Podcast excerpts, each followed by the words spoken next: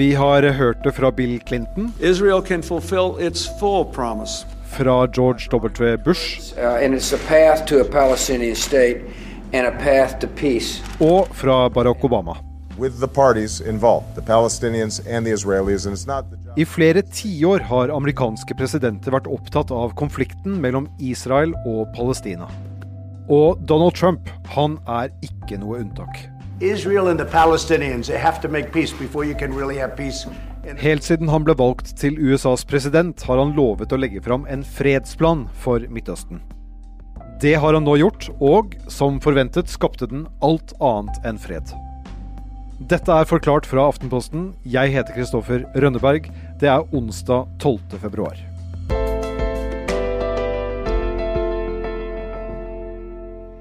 Ja, hvordan er eh, stemmebruken her? Jon Hultgren, du leder utenriksavdelingen her i Aftenposten. Dessuten er du både tidligere Midtøsten- og USA-korrespondent. Hvorfor er Israel så viktig for politikerne i USA? Israel er eh, på en måte et symbol i USA, mer enn bare staten Israel. Det er et symbol på det eneste demokratiet i Midtøsten. Det er et symbol på lang vennskap. Det er dessuten veldig mange jøder som bor i USA. Eh, og de har betydelig utveksling av teknologi, vitenskap, og is USA støtter jo Israel betydelig militært. Så dette er et langt vennskap som, er, som stikker dypt i USA. Og dette vennskapet har amerikanske politikere visst å legge vekt på. Ingen land har fått mer i bistand fra USA siden andre verdenskrig enn Israel. Veldig mye av dette kommer i form av militær hjelp for å styrke det israelske forsvaret. Og amerikanerne har også lagt ned veto i FNs sikkerhetsråd hele 42 ganger for å beskytte Israel. Dette nære forholdet til Midtøstens eneste demokrati har vært særlig viktig for Trump. For han kan ha en del å tjene på å fremstå som Israels beste venn. President eh, Donald Trump lovet jo velgerne eh, at han skulle løse denne mange tiår lange konflikten da han eh, gikk til valg. Og hvis han nå kan klare det, så er jo det selvfølgelig et veldig viktig valgløfte. Det er nå én ting. Men eh, blant eh, velgerne, og blant veldig viktige velgere i USA, så er det mange som har Israel, en spesiell stor kjærlighet for Israel. Denne fredsplanen, Jon, lever den opp til navnet sitt? Skal vi gi en kort karakteristikk av denne fredsplanen, så kan det kanskje være noe sånt som Innse det, palestinere, dere har tapt. Så jeg vil si egentlig nei. Kort fortalt, Jon, hva inneholder denne planen? Planen utgir seg for å være en eh, omfattende og endelig løsning på hele Midtøsten-konflikten. Den eh, inneholder en plan for eh, Jerusalem.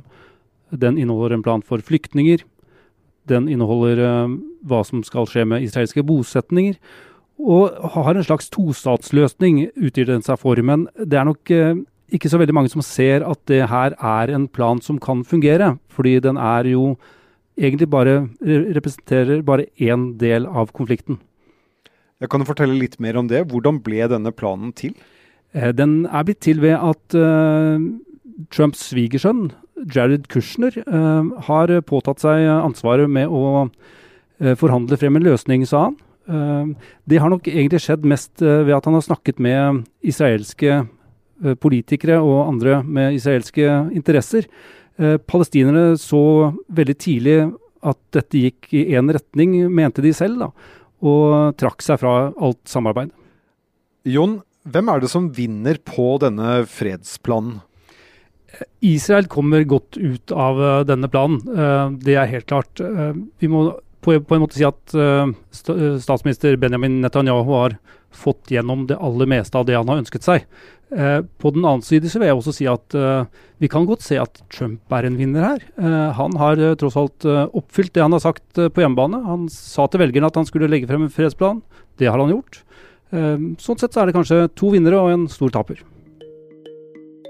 Men dette handler ikke bare om Israel og USA.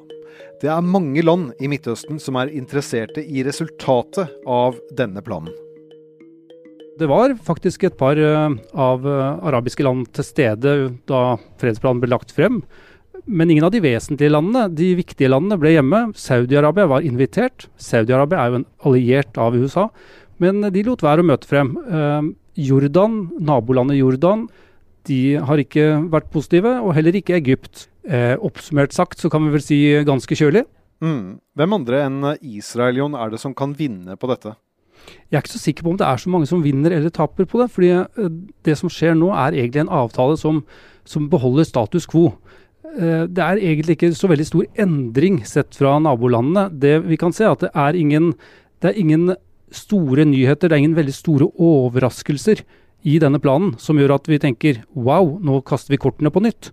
Eh, her er det på en måte en Hvis planen blir gjennomført, så blir palestinerne enda mer isolert.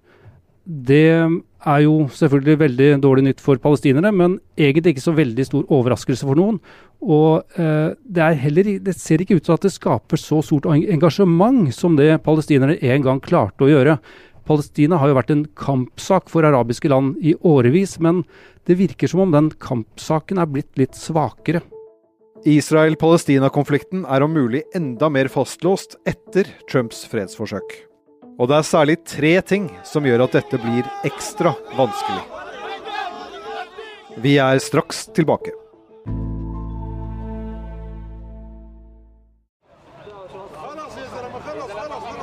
Midt i en rundkjøring i den palestinske byen Ramallah kan man se en logo der det står USAID. Det betyr at amerikanerne har betalt for rundkjøringen. For en ukes tid siden står palestinske demonstranter i denne rundkjøringen med hver sin sprayboks og nærmest slåss om å dekke til denne teksten. We refuse absolutely all the support from the US aid, and we are here to send a clear message that our struggle uh, will continue to achieve our goals of independent self-determination. Tor Arne Andreassen, du er Aftenpostens Midtøsten-korrespondent. Hva slags reaksjoner har vi sett blant palestinerne etter at denne planen ble lagt fram? Denne visjonen, som uh, Trumps folk kaller det, er jo blitt fullstendig avvist av palestinerne. De politiske lederne deres sier at de ikke ønsker å snakke med USA og Israel om eh, sikkerhetsspørsmål lenger. Og eh, enhver forhandling på grunnlag av denne planen eller visjonen, det er helt uaktuelt. På bakken så ser vi at uh, palestinerne de demonstrerer, de uh, kommer med angrep mot Israel. Ja, hvorfor reagerer palestinerne på den måten der? Palestinerne mener forståelig nok at Trumps eh, plan den tjener eh, Israels interesser. De er jo blitt bedt om å oppgi alle sine grunnleggende krav, sånn som grenser, Jerusalem, flyktningers rett retur og et, en levedyktig stat. Eh, det de blitt lovet er ca. 450 milliarder kroner i støtte, det meste som lån og private investeringer. Men palestinernes president Mahmoud Abbas har sagt at de ikke lar seg kjøpe. Det er særlig tre ting som gjør at samtalene mellom Israel og Palestina er ekstra vanskelige. Jerusalem, bosettingene og flyktningenes rett til retur. Først Jerusalem. Byen som både palestinere og israelere anser som sin naturlige hovedstad. Mye av stridens kjerne ligger akkurat her. Planen eh, sier at Jerusalem ikke skal deles, at eh, byen skal være Israels hovedstad, noe jo Trump Eh, gikk ut med allerede for to år siden. Palestinerne de ble avspist med noen eh, spredte nabolag og flyktningleirer i utkanten av byen. Eh, jeg så et sted at det var noen som hadde kalt det et gangsterhøl av en slum. Og Øst-Jerusalems hellige steder, slik som Tempelhøyden, de skal da være innenfor det israelske området, men som i dag da blir passet på av en jordansk stiftelse. Men Betyr dette Tor Arne, at palestinerne ender opp med en hovedstad som ligger utenfor selve Jerusalem? Planen sier helt klart at Jerusalem ikke skal deles, og at eh, byen skal være Israels hovedstad. Så man må jo nesten si seg enig i at eh, det er en språklig tilsnikkelse å hevde at palestinerne også vil få sin hovedstad i Jerusalem. Punkt to handler om de israelske bosettingene på palestinske områder, hovedsakelig på Vestbredden. Israel mener at dette er områder som historisk tilhører dem, men Norge og de fleste andre land mener det er å anse som en okkupasjon. Trumps plan innebærer en premiering av israelernes eh, mangeårige brudd på internasjonal lov. Eh, de har gjennom tiår bosatt seg på det man eh, fra internasjonalt hold mener er okkupert område. Og Trumps visjon sier at Israel ikke trenger å oppgi noen bosetninger, og at nesten alt skal inkluderes i staten Israel. Uh, man oppnår altså da for at Israel skal annektere landet som bosetterne har uh, tatt til seg. Og Israels statsminister Benjamin Netanyahu ønsket jo faktisk å gjennomføre den annekteringen med en gang. Han sa jo det rett etter at planen eh, var blitt eh, lansert. Men han ble altså tvunget av amerikanerne til å vente med det, og det kommer han til å gjøre da til etter valget. Men hvis denne planen skulle bli noe av, hva, hva blir igjen av det palestinske området i denne delen av landet da? Det blir et lappeteppe av små landområder som er forbundet med veier som Israel kommer til å kontrollere. Eh, de mister også da mesteparten av Jerusalem, nesten hele den fruktbare Jordandalen og eh, grensen til Jordan. Eh, det foreslås at det skal bygges en høyhastighetsvei som skal gi forbindelse mellom Vestbredden og Gaza. Tap av land på Vestbredden skal eh, delvis eh, kompenseres med land fra Nesjev-ørkenen. Altså dette er et ørkenområde som ligger sør for Gaza, opp mot eh, grensen til Egypt. Og da er vi kommet til punkt nummer tre. Det siste elementet som gjør denne konflikten ekstra vanskelig, handler om palestinske flyktninger.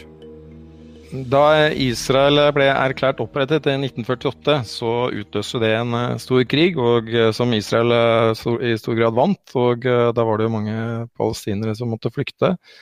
Det samme skjedde til dels på nytt igjen da i 1967, ved at det var mange som måtte rømme til nabolandene. Og ifølge internasjonal lov så har jo disse lov til å returnere til områdene de kom fra. Den retten til retur ønsker også da Trump ifølge denne planen å frata palestinerne. Hvis vi skal oppsummere litt, Tor Arne. Dette er tydeligvis ikke en plan som palestinerne kan akseptere? Nei, de sa på forhånd at de ikke kom til å godta den, og nå har de avvist den.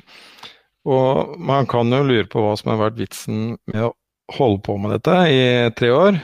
Palestinerne de har i hvert fall ikke noe nytte av denne visjonen fra, fra Trump. Tor Arne, hvis denne planen har gjort at konflikten bare har hardnet til, hva var da vitsen med å legge den fram? Hvis det er noen som vinner på denne visjonen eller planen, så må det være Trump selv. Han ønsker jo eh, først og fremst å sikre seg gjenvalg i november, og dessuten da Israels statsminister Benjamin Netanyahu, som ønsker å overleve politisk.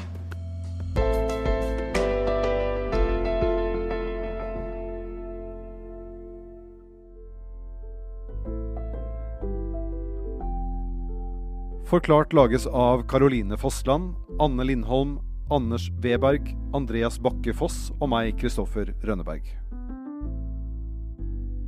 I denne episoden har du hørt lyd fra nyhetsbyrået AP. Har du spørsmål eller tilbakemeldinger? I så fall så er det enklest å nå oss på Facebook-siden vår Forklart.